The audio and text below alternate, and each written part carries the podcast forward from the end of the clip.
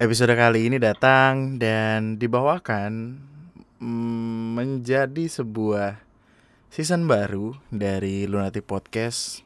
Kembali ke wajah lama yang I don't know, orang mungkin senang mendengarnya dan gue juga senang karena tidak terlalu hyperaktif. Maksudnya yang santai-santai aja gitu.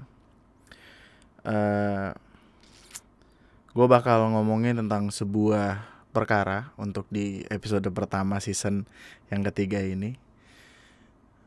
Uh, di mana episode episode selanjutnya dari season ini akan saling berkesinambungan di mana semuanya berasal dari apa-apa yang gue sendiri itu masih perlu belajar dalam hal itu tapi seenggaknya menyenangkan untuk bisa membagikan buah pikiran yang ada di kepala gue buat nemenin waktu luang lu atau nemenin lu tidur dengan apa pun yang gue bawakan jadi nyamankan diri lu mari kita memikirkan dunia bareng-bareng. Nama gue Andri dan selamat datang di Lunatic Podcast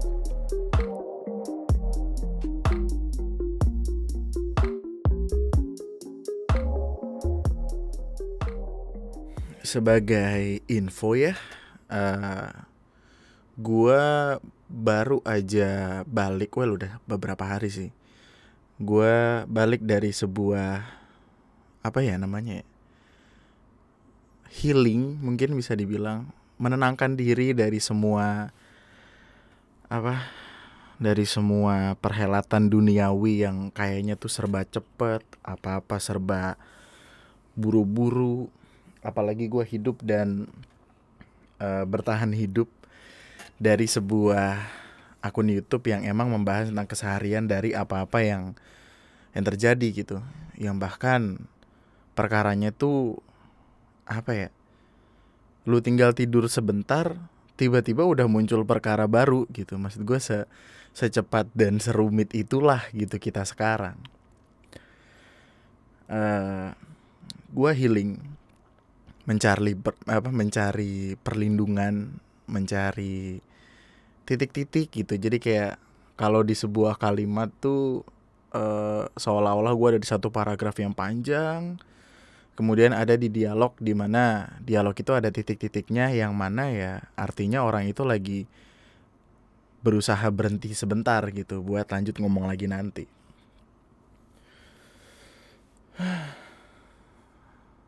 menyenangkan sekali gitu untuk akhirnya punya waktu sendiri. Well nggak sendiri sendiri banget sih. Tapi kayak meskipun kepikiran kerjaan kepikiran tentang kenapa gue nggak ngomongin ini dan itu tapi at least gue nggak dibebani sama apa-apa yang ngebikin hidup tuh jadi kayak kerasanya cepet banget fasenya tuh cepet banget gitu Gua baru kelar ngebaca sebuah buku yang judulnya uh, The Things You Can Only See When You Slow Down. Kalau gua nggak salah sih itu The Things You Can You Only Can See apa You Can Only See When You Slow Down. ya itulah.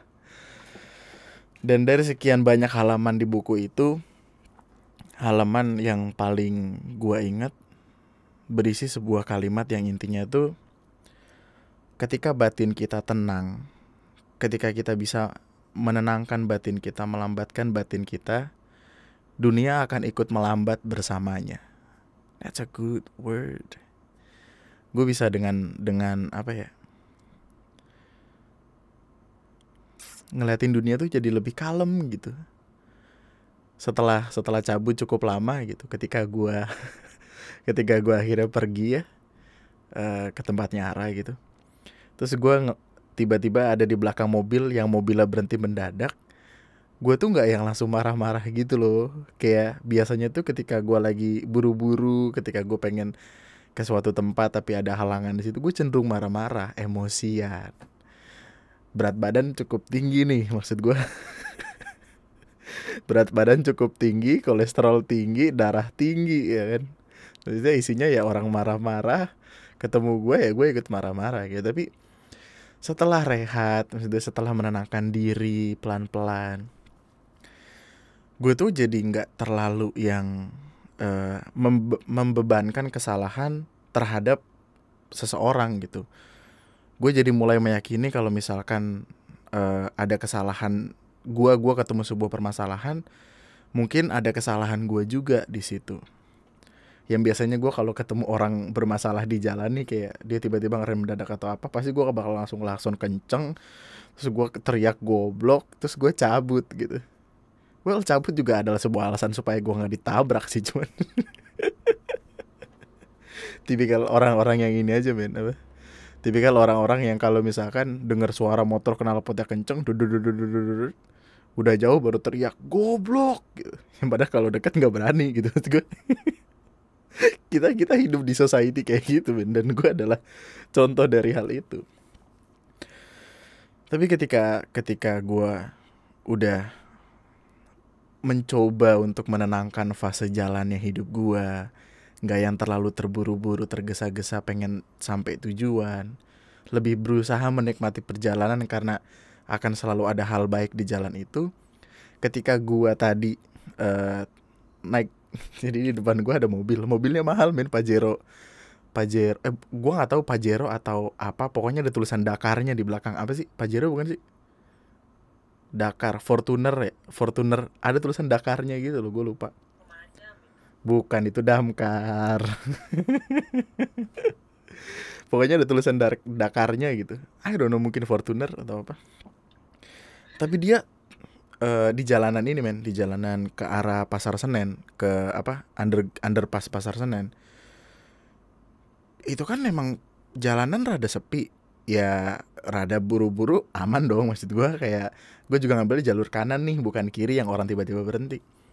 Tiba-tiba gue lagi lagi kecepatan aduh 40 sampai 50 tiba-tiba dia ngerem mendadak gitu dan ngerem mendadaknya tuh jaraknya cukup dekat gitu dan gue cuman kayak ngerem langsung bener-bener ngerem. Untung nggak kena.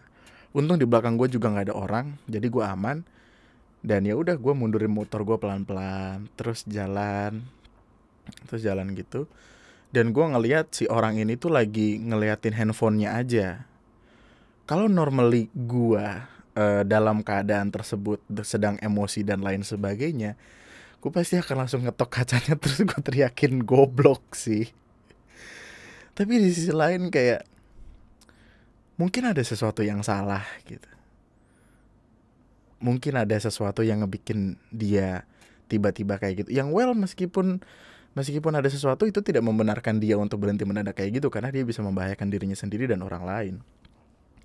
Tapi as long as gua nggak apa-apa dan gua nggak ada masalah atau nggak yang tiba-tiba pala gua kepentok sama belakang kaca mobilnya, gua gua santai gitu.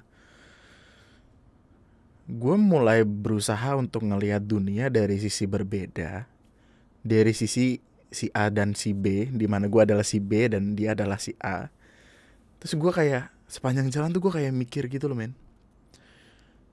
Mungkin gak sih dia lagi ada di sesuatu suatu hal yang bener-bener se sekaget itu gitu sampai akhirnya dia dia ngerem mendadak kayak gitu? Mungkin gak sih dia ngerem kayak gitu su uh, supaya dia nggak yang tiba-tiba ngeliatin HP terus oleng gitu. Terus malah nabrak orang yang ada di depannya. Gue gua ada dalam lingkaran pemikiran-pemikiran itu sampai akhirnya ya mungkin dia lagi ada masalah dan mungkin salah gue juga udah terlalu deket sama mobilnya dia gitu. Dan ya udah sesuatu berjalan gitu aja gitu. Kadang tuh uh, apa-apa yang kita lihat selalu blindsided gitu loh maksudnya kita selalu benar di cerita yang kita yakini benar gitu gimana sih kita adalah protagonis di setiap cerita yang kita ceritakan. Kita mungkin bisa bilang orang lain jahat, jelek atau gimana. Tapi ya mungkin sudut pandangnya dia beda aja. Kayak uh, gue tahu ini agak nggak relevan sih dan gue tahu ini akan jadi sebuah permasalahan kalau gue ngomong ini terlalu banyak. Tapi kok bisa, akun YouTube kok bisa, lo tau kan yang animasi ngebahas tentang pengetahuan-pengetahuan itu? Ngebahas tentang siapa yang benar antara Israel dan Palestina. Tapi ya nggak nggak dia dia nggak semerta-merta ngasih tahu kayak Israel bener karena dia memperebutkan wilayah. Palestina bener karena itu adalah tempatnya dia. Enggak gitu. Kayak yang dikasih tahu justru adalah Israel ini benar Palestina juga benar gitu jadi mereka mereka sama-sama memperjuangkan sesuatu yang menurut mereka benar. Dan itu jadi buah pikiran lagi buat gue gitu. Apakah dulu semua masalah yang gue alami atau at least semua keributan-keributan yang ada dalam hidup gue tuh ada salah gue nggak ya gitu? Apakah itu semuanya pure karena salah dia gitu? Kayak let's say keributan-keributan gue sama mantan-mantan gue yang mana cukup nggak penting kalau diinget dan kalau gue inget tuh gue geli sendiri anjing masih gue ih Supaya gue kalau bisa balik ke masa lalu ngeliatin diri gue sendiri pengen gue tampol aja. apakah apakah itu permasalahan itu terjadi karena karena dia yang salah atau justru dia dia ngebikin salah karena kesalahan itu di diawali dari gue gitu. Dulu gue sempet bilang di podcast gue, yang mana ini cukup ngejelimet sih. Kesalahan yang terjadi sekarang, ketika menjadi sebuah kebenaran di lain hari, apakah itu termasuk sebagai sebuah kesalahan gitu? Kayak let's say gini uh, lu ribut nih lu ribut sama pasangan lu let's say mantan lu gitu. Lu ribut segala macem bla bla bla bla bla bla. Di 5 atau 10 tahun kemudian karena keributan itu dia menemukan pasangan yang yang emang harusnya buat dia gitu. Bukan buat lu. Apakah itu sebuah kesalahan gitu. Gue mulai menyadari kalau itu bukan salah atau benar. Itu adalah tentang belajar atau enggak. Karena kalau misalkan lu ada di sebuah permasalahan kemudian lu nggak belajar dari permasalahan itu ya lu nggak bakal ngedapetin apa pun yang menurut lu baik atau menurut orang lain baik gue selalu pengen belajar yang lain gitu gue kayak apa pun gue coba pelajarin yang mana cukup tolol mengingat gue adalah orang yang tidak pintar-pintar amat gitu. Eh gue 16 kurang 9 aja mikirnya lama. 16 kurang 9 berarti uh, dikurang. 6 kurang 9 gak bisa ambil 1 1 16 16 kurang 9 Hah? Gimana nih? Maksud gue, gue cukup bodoh untuk memahami matematika. Oke gue ganti. Uh, eh, gue pengen ngapalin nama-nama kota dari setiap negara gitu. So gue mulai sadar kalau kayaknya ingatan gue itu lebih kayak ikan mas koki deh. Mas gue ketika ketika ketika gue ngelakuin sesuatu sekarang besok gue akan lupa sama apa yang udah gue lakukan gitu dan se, se segitu aja gitu ingatan gue gue nggak tahu kenapa sih mungkin karena gue uh, kemarin-kemarin itu malas membaca atau gimana gue gak tahu. Tapi gue mulai nyoba gitu buat segala sesuatu tuh dipelajarin dulu. Nggak nggak semerta-merta lu tiba-tiba datang bilang kayak gue yang paling bener, lu yang enggak gitu. Egois kalau kayak gitu.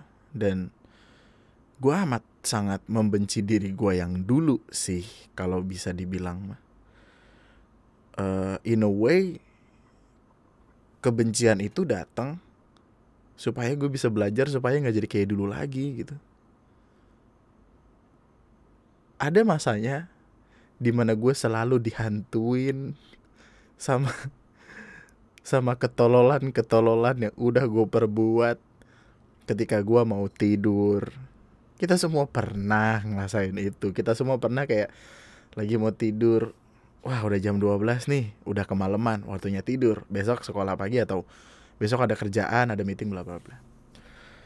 Tiba-tiba meremin mata 12.30. Keinget sesuatu dari masa lalu.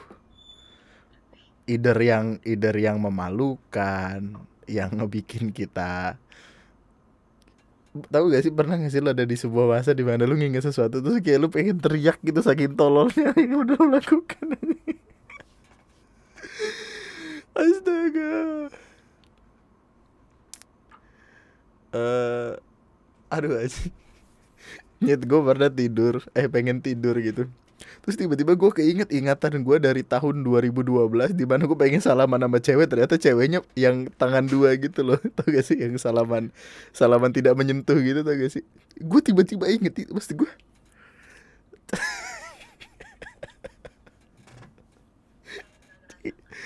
Ya Allah malu malu. Langsung nutupin muka pakai bantal teriak goblok, goblok.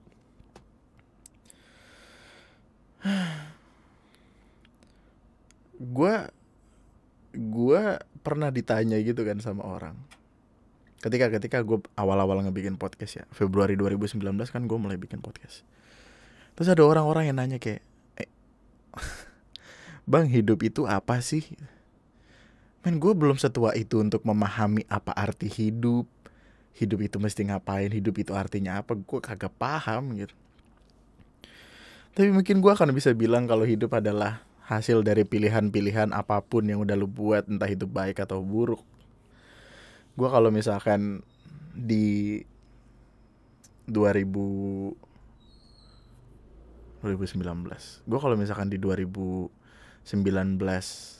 itu nggak ke Bandung untuk mencoba membacakan puisi sampai malu banget itu gue nggak akan bisa di sini terus ngomong di depan orang gitu gue nggak akan sesantai itu di M Block Market kemarin waktu ngisi acara dan ngomong meskipun rada-rada deg-degan dan shaky dan dragging karena emang materinya kurang dan sebagainya. Tapi karena karena pengalaman itu gue tahu nih mesti nyus, mesti nyusun materi mesti yang uh, kalem gitu pembawaannya nggak boleh terburu-buru. Gue nggak bisa bilang itu sempurna karena setelah kelar acara gue masih gue masih perlu ngeluarin sesuatu yang belum keluar tapi kalau gue waktu itu nggak ke Bandung, gue akan kaget banget itu untuk ngomong di depan orang-orang. Apalagi orang-orangnya tuh tahu gimana caranya public speaking gitu. Dan btw kejadian di Bandung adalah salah satu kejadian yang masih gue ingat sampai sekarang. so so so so mau ngegombalin cewek nama bapak kamu siapa ceweknya malu nyebut nama bapaknya ya nama bapak kamu siapa? Gue mesti nanya tiga kali sampai akhirnya dijawab sama bapaknya. Iya soalnya aku mau ngapalin buat ijab kabul kita nanti. Iya. Dan juga kalau gue gak ada titik itu men. Gue gak akan tahu mana yang harusnya dilakukan Mana yang enggak gitu. Anjing lu malu gak sih? Gue aja malu banget lo itu di depan orang-orang lain yang datang ke situ untuk berpuisi. Gue ngegombal bapak kamu cik. Itu bapak kamu.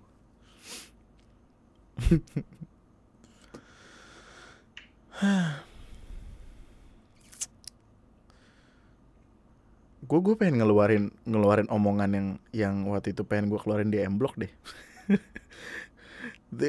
Ini nih. Jadi gue punya beat. Gue punya materi tentang uh, Om Deddy Corbuzier yang badannya gede. Terus gue ngomong itu Om Deddy Corbuzier ya? Itu ototnya gede banget men. Saking gedenya dia kalau megang titiknya mau kencing susah. Hmm, hmm, itu itu cuma sampai situ. Eh enggak. Terus ada lanjutannya. Uh, jadi lu kalau misalkan ngeliat Om Deddy keluar dari kamar mandi keringetan nah lu tahu alasannya gitu. Dia olahraga nih gitu. Gue pengen ada lanjutannya terakhir gue denger sih Om Deddy udah nyewa asisten buat megangin dari bawah aja gitu. Itu itu gue pengen banget keluar tapi gak bisa. Kan itu lucu buat gue gue gue nggak tahu itu lucu buat orang atau enggak tapi itu lucu banget buat gue terus gue pengen nutup dengan uh, terima kasih semuanya selamat malam. Mari kita isoma istirahat sholat main tamia maksudnya itu gak keluar itu lucu. Cara aja gue suka goblok-gobloknya gue maksudnya itu lucu gitu. Aneh. Tapi gue belajar mencari tahu yang nggak tahu memahami berusaha deh lebih tepatnya berusaha memahami apa yang nggak gue pahami. Gue gua akan jujur kalau misalkan orang nanya gue terus gue nggak tahu jawabannya gue akan bilang nggak tahu gitu. Dulu mungkin uh, kalau misalkan zaman zaman bocah gitu masih sotoy gue akan jawab apa pun gitu. Kayak orang menyebalkan tuh kayak kayak orang bawa ketek yang ngantri di ATM gitu. Maksudnya dia sendiri nggak sadar gitu. Yang sadar tuh orang lain. Orang lain yang enggak terus orang lainnya sebel gitu. Kayak gitu. Ketika ada orang lain ngomong A nanya nih nanya A terus lu jawab seasalnya kemudian lu salah uh malu. Dan harusnya rasa malu itu ngebikin ngebikin lu buat belajar lagi kalau nggak mungkin ada orang yang tahu segalanya gitu. Nantinya gini deh sekarang kan tahun 2021 ya. Maksudnya kita kita udah nemuin banyak banget teknologi nih gitu. Tapi lu sadar gak sih dari tahun NASA itu nerbangin orang ke bulan 1969 Hah?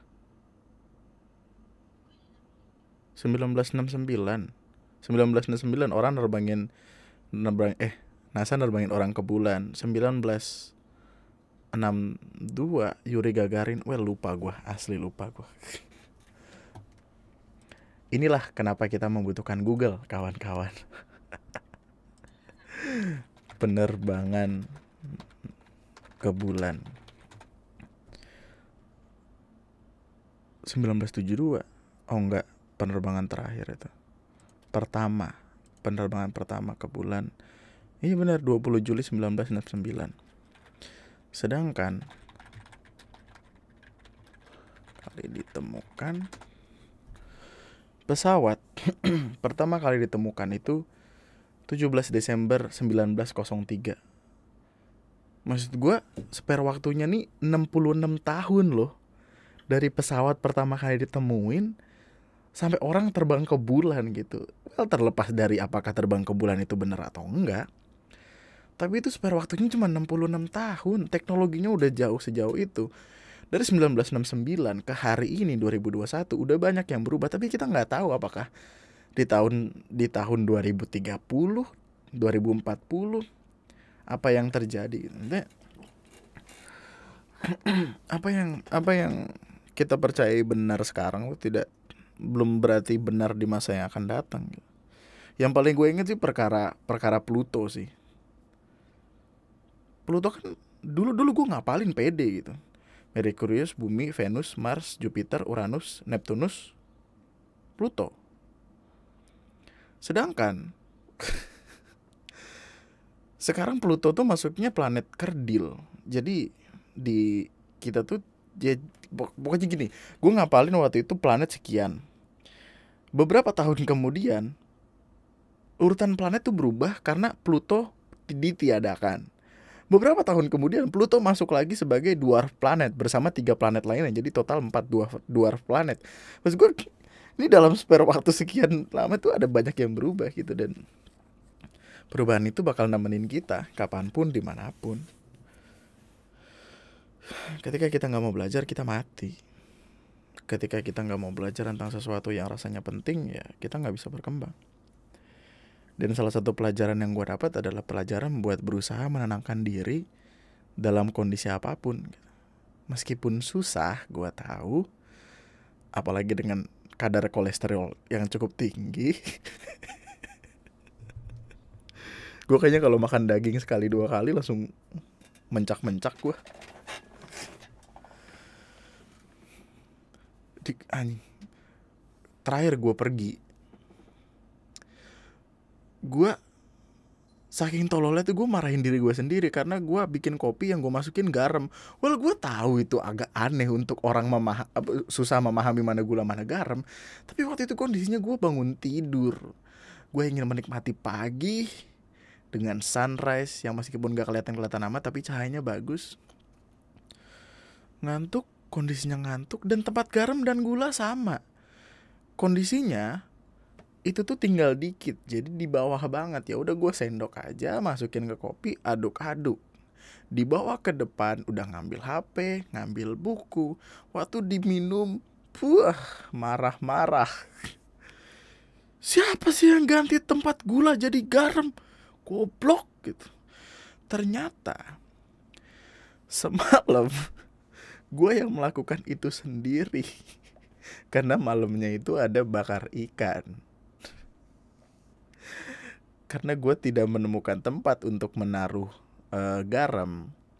Yang ada tuh cuma tempat yang sama persis kayak gula. Ya udah gue masukkan gula eh garam tersebut ke tempat yang sama persis seperti gula. Tidak ada penanda apa-apa gulanya gue pindah. Karena menghalangi gue takutnya gue ketukar antara gula sama garam ketika gue ngebakar ikan. Paginya gue terkena jebakan diri gue sendiri. Apakah pantas gue marah-marah? Tentu tidak. Tapi ketika orang emosian kan cenderung tolol ya.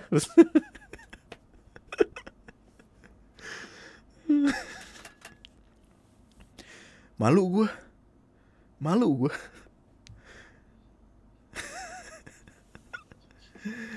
belajar untuk menenangkan emosi di dunia yang serba cepat ini kayaknya adalah salah satu hal yang harus kita pelajarin deh.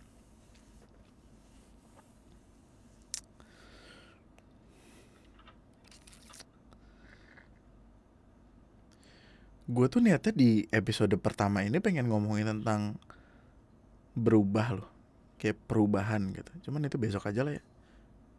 Minggu depan minggu depan. Nggak besok. Gue cenderung cenderung suka nggak bisa ngatur jadwal kan cenderung ketika gue bikin sekarang terus bikin besok itu akan naik di minggu yang sama sedangkan di minggu selanjutnya tidak akan naik apa-apa nah gitu jadi gue akan taruh di setiap minggu Oh iya satu lagi untuk belajar menenangkan emosi. Jadi, gue belajar hal baru ketika tadi balik gitu. Untuk berusaha meredam emosi sebelum tahu apa yang terjadi. Uh, jalan Cakung eh jalan jalan Raya Bekasi kan lagi dibangun flyover tol dalam kota anyway. Terus tadi waktu balik gua kan balik sekitaran jam aduh udah jam 7 jam 8an pokoknya hampir rumah jam 8 gitu. Dan kondisinya macet parah. Like parah banget dari arah Pulau Gadung aja udah nggak kelihatan ada jalan bagus. Jadi gue untungnya gue pakai motor kan menelusup masuk gitu. Meliak liuk liak liuk. Sampai tiba di sebuah spot di mana jalurnya tuh uh, bener-bener macet. Uh, kita kehalangan truk uh, apa sih namanya mobil box yang gak ngasih jalur kita buat lewat kiri. Terus orang-orang nggak kelasonin nih marah-marah emosi segala macam woi goblok maju gitu sedangkan gua yang melihat celah ke arah kanan Gue pun menelusup masuk ke arah kanan, melewati kanan dari mobil box tersebut, dan ternyata kosong. Maksudnya beneran kosong aja gitu. Kemudian gue jalan melewati samping kiri dari mobil tersebut. Ternyata tidak ada orangnya mobil tersebut. Kosong. Jadi motor-motor yang ada di belakang itu mengklakson-klaksoni sebuah mobil yang sedang terparkir di pinggir jalan. Apakah itu wise? Apakah itu adalah pilihan yang bijak? Tentu tidak gitu. Karena mereka akan malu kan maksudnya. Dia udah udah marah-marah.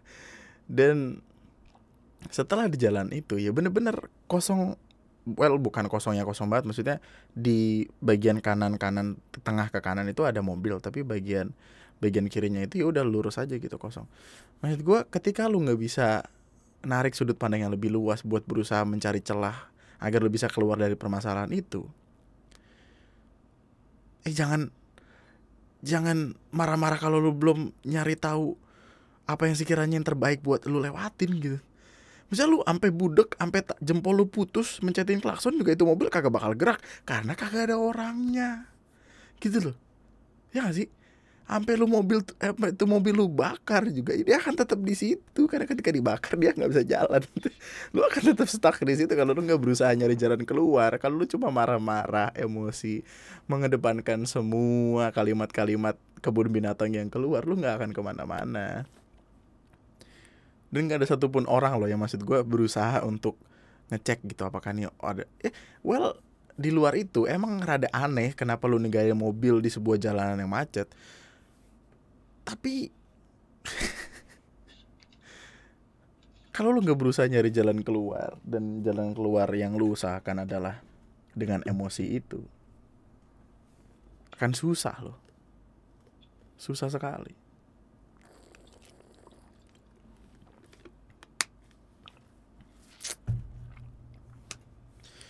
belajarlah untuk menikmati suasana.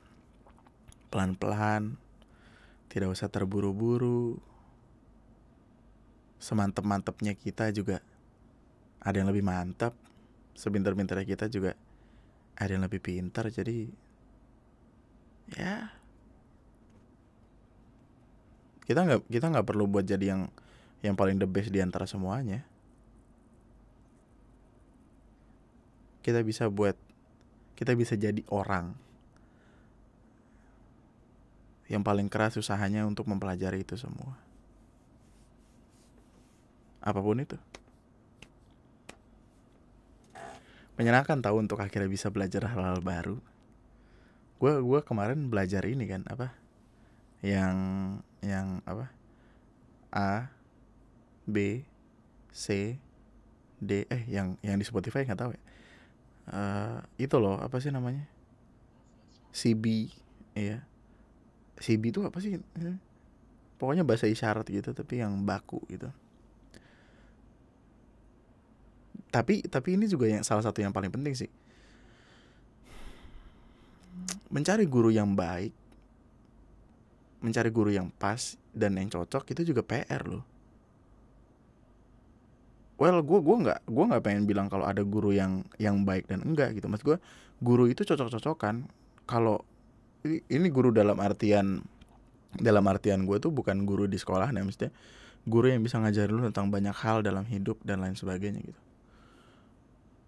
Kalau lu nemu yang cocok lu akan jadi lebih santai gitu. Lu lu tahu apa yang lu pelajarin.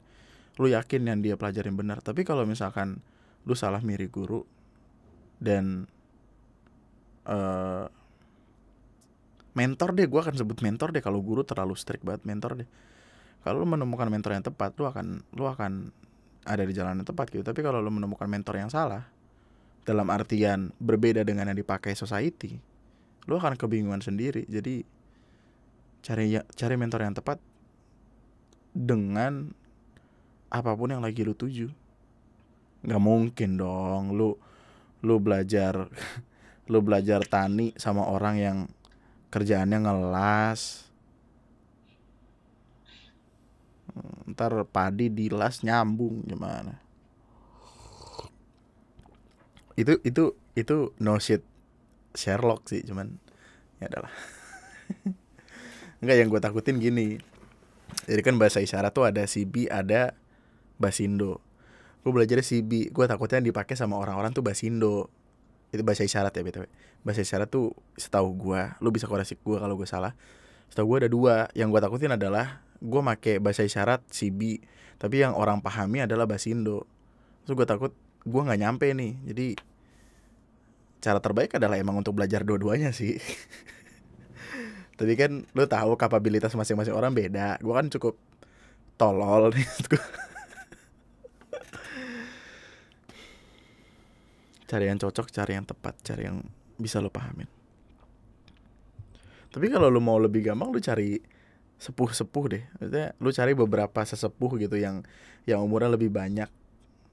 Eh yang umurnya lebih banyak. Maksudnya yang yang udah punya pengalaman cukup banyak lewat umur mereka yang sudah cukup tinggi. Apa sih? Kalau itu angka cukup lama gitu. Biasanya tuh lebih wise gitu. Mereka lebih wise. Lebih ya meskipun apa yang diajarin mereka ke anak-anaknya itu berbeda dengan apa yang seharusnya kita ajarkan ke anak-anak kita. Tapi at least bakal ada satu atau dua hal yang yang lu bakal sadar kalau ih omongan mereka bener juga ya gitu. Kayak uh, eh, gue nggak tahu omongan ini tuh datang dari orang tertentu atau gimana tapi gue punya uh, mbah jadi gue gue kakung kan kakek gua nah kakung ini tinggal di ruang lingkup yang orangnya tuh rata-rata saling kenal gitu terus ada namanya Mbah Kisut, Pak D Kisut gue nyebutnya. Gue nggak tahu kenapa namanya Kisut sih. Mungkin refleksi dari orangnya, tapi cukup aneh juga untuk orang dipanggil Kisut. Anyway, uh, Pak D Kisut ini udah dianggap anak banget sama kakek gue, sama kakung gue. Dan Pak D Kisut ini umurnya juga udah cukup tua. Cuma gokil dah dia pernah ngerjain kamar mandi sehari jadi anjing respect. Lantai kamar mandi nih ukuran ada dua dua koma dua koma enam kali dua koma enam sehari semalam jadi ngegrenda jam 12 eh jam 11 setengah 12 malam. Motongin keramik anjing pakai grenda nyek respect. Cukup aneh cuman gue pengen lu tahu aja. Dia sempat bilang gini uh, setelah setelah sekian banyak kasus MBA married by accident bagi saya bilang gini Eh, lingkungan itu kalau ada di tempat yang salah, lingkungan itu bisa lebih berpengaruh daripada Tuhan. Man kalimat itu bagus banget. Dan itu bisa kita lihat sekarang gitu. Maksudnya lu lu lu bakal bisa ngelihat pengaplikasian kalimat itu di hampir semua aspek dalam hidup lo gitu ketika ketika lo temenan sama orang-orang high class yang nongkrongnya di FX, Sudirman, SCBD, bareng anak-anak magang, bareng orang-orang yang naik lift, keluar mobil bagus, padahal gokar. Dan dari duit kasbon gitu. ketika lu berteman sama orang-orang itu, lu secara tidak langsung akan mulai mengeluarkan uang sebagaimana, sebagaimana mereka mengeluarkan uang. Gue tahu itu kembali lagi ke masing-masing pribadi, tapi lu akan cenderung berusaha untuk menyamakan strata lu, bagaimana cara lu mengeluarkan uang seperti mereka untuk bisa diterima di ruang lingkup mereka. Bukankah begitu? Uh, dan ketika lingkungan lu ada lingkungan uh, aduh gue nggak suka ngomongnya tapi ini adalah contoh yang paling bagus sih. Gue sempat ketemu orang. Gue ngobrol sama dia asik banget. Gue nggak tahu apakah ada magnet tertentu dalam dalam diri gue yang tiba-tiba ketika ketemu sama orang-orang itu langsung bisa mencurahkan semua keresahan dalam hidup dan cerita-ceritanya dia. Gue nggak tahu marilah kita sebut itu sebagai gift yang dikasih dari Tuhan dikasih sama Tuhan tapi orang ini tiba-tiba cerita kalau dia pernah make ganja dan sabu. Well, itu udah tahun 2 eh tahun 97 sampai 2000 sih dan sekarang dia udah bersih, udah udah nggak pernah make kayak gitu-gitu segala macam. Dan dia ngomong sama gua kalau ya emang perkaranya lingkungan gitu, apalagi nggak mungkin dia tahu hal-hal tersebut kalau bukan karena lingkungannya gitu. Nggak mungkin dia besar dan uh, tahu tentang banyak hal yang berhubungan dengan hal-hal haram tersebut kalau bukan lingkungannya.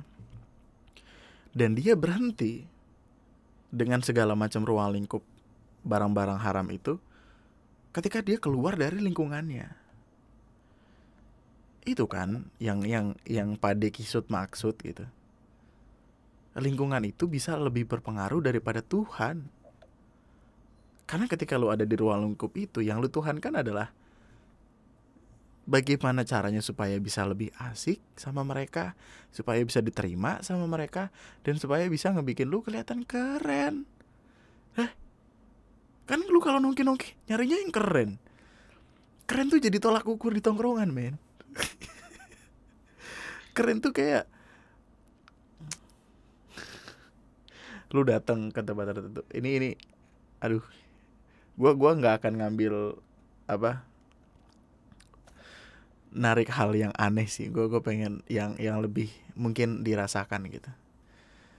Bocah-bocah nongkrong zaman gue SD ya mainnya PS1 Harvest Moon Back to Net Back to Nature uh, itu game asli asik banget.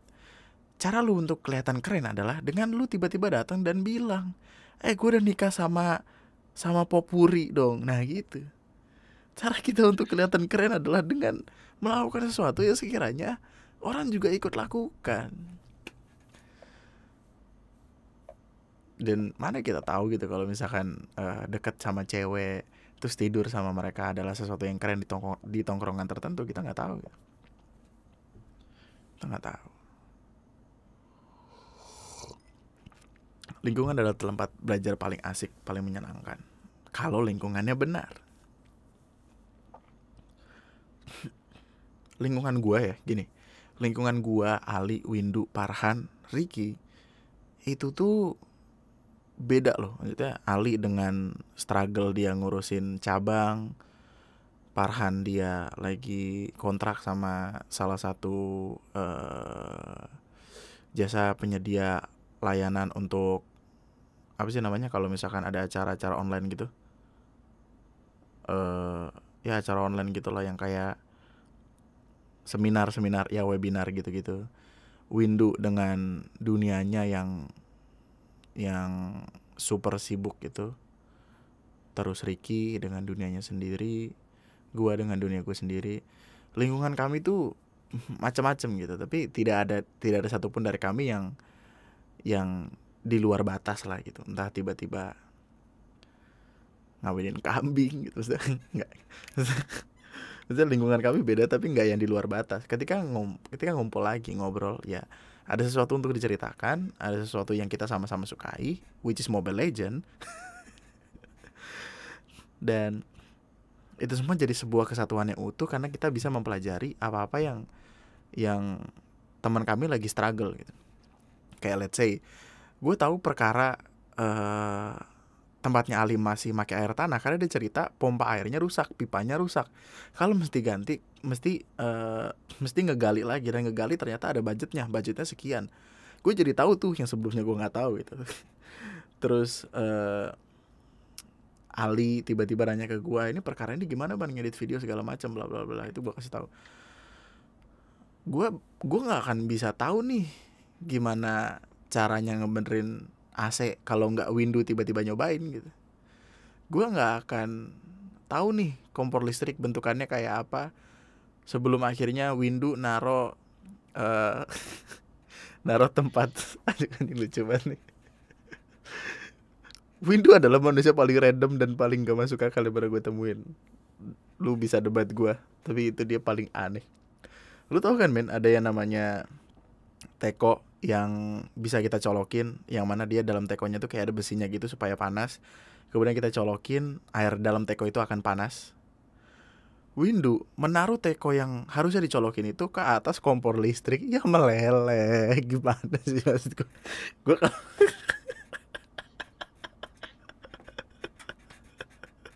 akhirnya diganti sama uh, gue nggak tahu sama Windu atau sama Ali lupa gue tapi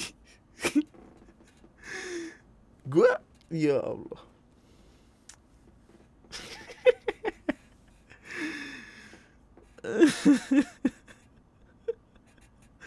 gue masih akan mengingat ketololan itu untuk waktu yang sangat lama.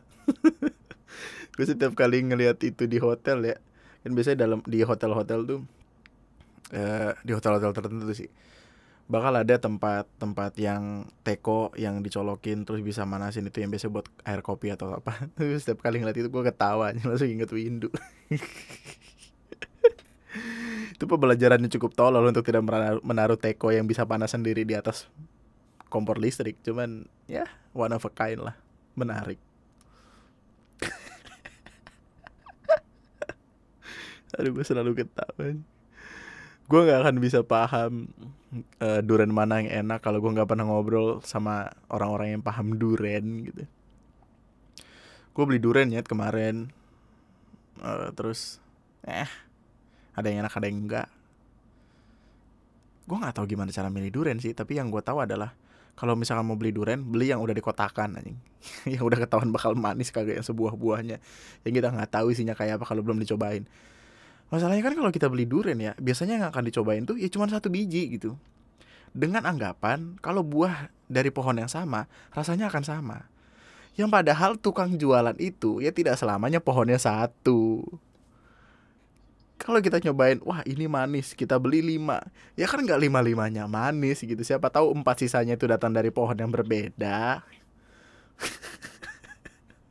kalau gue nggak ngobrol sama tukang duren gue nggak akan paham untuk ya udah gue ngebeli yang kotakan aja. Harganya mahal dikit kagak apa-apa. Yang penting gue tahu ini manis buat dikasih ke orang santai gitu. Nggak yang deg-degan waktu dibuka apakah akan manis atau enggak. Perkara sesimpel duren nih. Aneh aneh. Ya udah gue rasa itu aja ya gue tuh ini niatnya pengen nyari konten buat TNM kan karena gue udah lama gak upload video. Dan anjing gue ternyata nambah kusem nambah hitam gue kayaknya mesti di rumah untuk enam bulan ke depan. Untuk memutihkan badan. Sayang saya anjing gue udah mutihin badan setahun di rumah doang. Ternyata sekalinya keluar langsung hitam anjing. Uh, jangan pernah berhenti belajar akan sesuatu. Jangan pernah capek well capek nggak apa-apa sih. Yang penting kecapean itu nggak ngebikin lu berhenti stuck di situ-situ aja gitu. Hmm. learn something new every day. Tentang apa pun itu. Aurora air terjun paling bagus.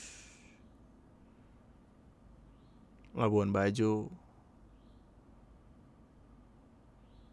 Saham. Kripto supaya at least kalau misalkan ada temen lo terjebak di sebuah kondisi lo bakal ada bahasan obrol untuk berusaha menyelamatkan dia gitu nggak yang tiba-tiba teman lo langsung loss sekian puluh juta kemudian dia nangis karena pada akhirnya dia nggak jadi nikah karena duit yang dipakai buat beli kripto itu adalah duit yang harusnya nikah harusnya ketika lo beli kripto ya kalau lu hold terus ya duitnya nggak akan hilang gitu. tapi kalau misalkan lu beli kripto di puncak-puncaknya harga kemudian lu jual karena lu merasa nggak akan uh, takut duit lu hilang sama sekali.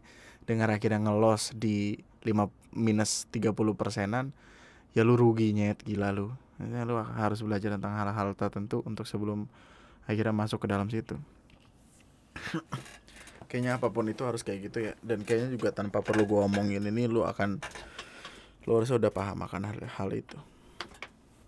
Sama sama halnya kayak main Mobile Legend kalau lu belum belajar hero nya jangan gaya-gayaan ngereng dengan dengan hero tersebut. Meskipun skill lu mythic legend ah, atau glory apa pun itu kalau misalkan lu nggak bisa mainnya ya lu akan jadi beban untuk tim lu gitu. Dan itu yang terjadi dalam hidup.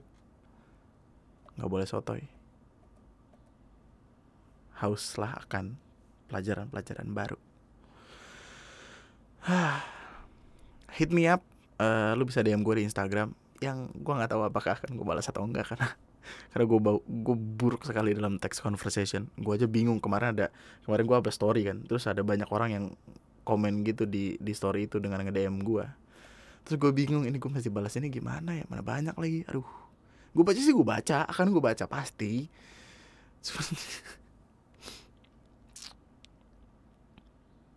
Tapi ya gitulah. Uh, lo bisa cari gue di Instagram Twitter lunatic twister YouTube juga ada cuman nggak tahu kapan lanjut lagi. TNM subscribe. Gue akan balik lagi ke YouTube untuk ngebikin video-video permisuhan atau apa pun itu. Menyenangkan selalu ya coba ya. Gue mulai kembali ke habit gue di mana gue ngomong panjang eh gue ngomong cepat dan belibet sendiri. Temponya pelanin santai. Mari kita ngobrol-ngobrol dan menikmati waktu luang di season 3 ini. Terima kasih sudah mau menunggu terima kasih sudah men, men, men, men, dah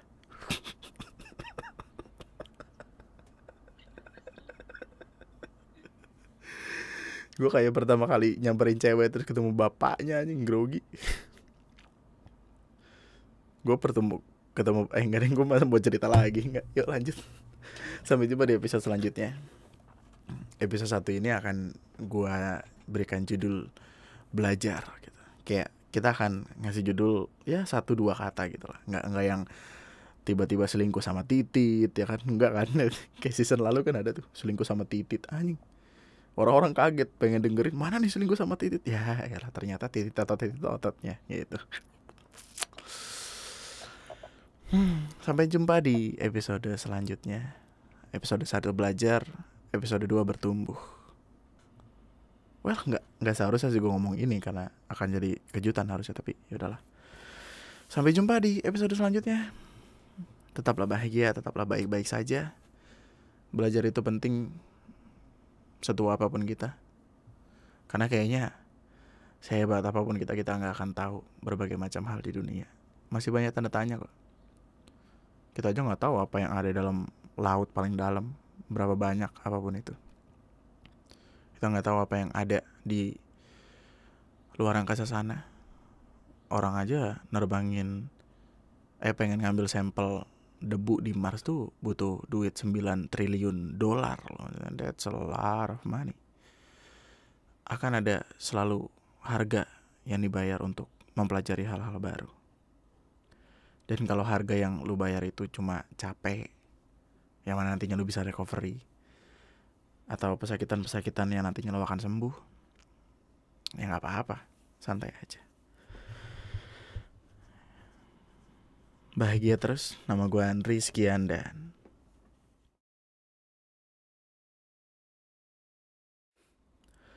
Gue mulai membenci kumis gue yang yang tidak simetris ini deh. Jadi yang yang kanan tuh kayak los gitu, mau nusuk gitu tajam gitu. Yang kiri tuh kayak tumpul gitu. Jadi kayak ini apa? Lu tau gak sih? Uh, bukan obeng apa sih namanya? Mur bukan mur baut bukan. Uh, yang buat yang buat yang buat benerin mobil itu loh yang ujungnya yang ujung satunya tuh lancip ujung satunya tuh bulat. Nah gitu kayak kumis gue tuh persis itu loh yang benerin mobil itu. Ah gue gak tahu itu sebutannya apa tapi anyway. Thank you all so much. Love you